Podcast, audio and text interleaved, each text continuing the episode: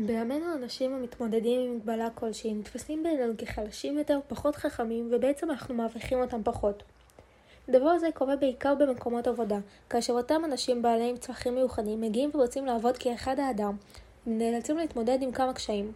אחד מהם הוא הקושי להשתלב בחברה, המבטים הרחמניים ותחושת הנידוי עקב חוסר קבלה של אחרים. עוד קושי הוא ההתאמה של המקום לאותו אדם.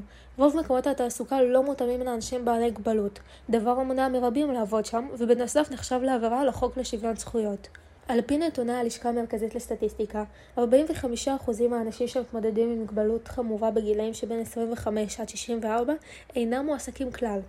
למה לא מעלים את זה לסדר היום? למה אין אכיפה? ולמה אנחנו נותנים לזה לקרות? אסור לנו לשכוח שהיום אליהם ומחר אלה יכולים להיות אנחנו. אני חן ויצמן, תלמידת כיתה י' בבית הספר הרב תחומי רמות בבאר שבע. לפי הפתיח שלי אתם כבר בטח מבינים שהנושא שאדבר עליו הוא שילוב אנשים עם מוגבלות בתעסוקה. הידעתם כי לפי חוק שוויון זכויות אסור להפלות אף אדם בתנאי העבודה, בעת קבלה לעבודה, בקידום, בפיטורים ובפיצויים? הפליית אדם עם מוגבלות במקום העבודה יכולה לבוא גם לידי ביטוי כחוסר התאמת מקום העבודה לאותו אדם. לדוגמה, מקום עבודה רב קומות ללא מעלית.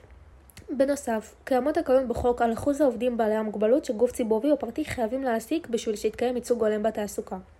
בעיניי, שילוב אנשים עם מוגבלות בתעסוקה הוא דבר שלא צריך להיות שונה מעבודה של אף אדם אחר.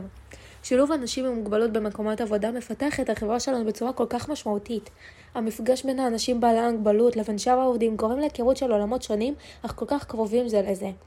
החשיפה של שני עולמות גורמת לעלייה בתודעה בחברה בקשר לאנשים השונים מהם, וגורמת לרצון לתרום לשונה, לא מבחינה כספית, אלא מבחינה חברתית, כלומר ליצור שיח עם האחר ולפתח חברה תומכת ומקבלת. כמו כן, רוב האנשים בעלי המוגבלות מרגישים לא נחוצים, מנודים ושמרחמים עליהם, אך כאשר ניתנת להם הזכות לעבוד כמו אחרים, הם מרגישים את תחושת העצמאות המעוררת ביטחון וניתנת להם הזכות להיפגש עם השונים מהם, ולהציג שהם לא צריכים רחמים או אמפתיה, אלא רק קשר חברי רגיל כמו כל אדם אחר. המעסיקים, בעלי החברות הגדולות, יטענו כי ההשקעה הרבה הנדרשת לצורך התאמת מקום העבודה עבור אדם בעל מוגבלות נחשבת להפסד כלכלי, ועקב הספק העבודה של בעלי המוגבלויות שעלול להיות איטי משל אדם אחר, יכולה להיות פגיעה בקצב העבודה, ולכן לא משתלם להם להעסיק אדם בעל מוגבלות. אבל אסור להם לשכוח שהרווח שהחברה מקבלת לא יכול להשתוות לאף הפסד כספי קטן. היחסים בין האנשים, הכרת וקבלת האחר, תחושת העצמאות של האנשים בעלי המוגבלות ועוד, הם רווחים ששום דבר יכול לגרום להם להיחשב כהפסד. בנסיבות מסוימות הייתי יכולה שלהסכים עם טענת המעסיקים, מפני שאם הם בכלל לא קרובים לנושא האנשים בעלי המוגבלות וזה לא חלק מחיי היום יום שלהם, הם לא יכולים בכלל לדעת על ההפסד שהם סופגים כאשר הם לא מעסיקים את אותם אנשים.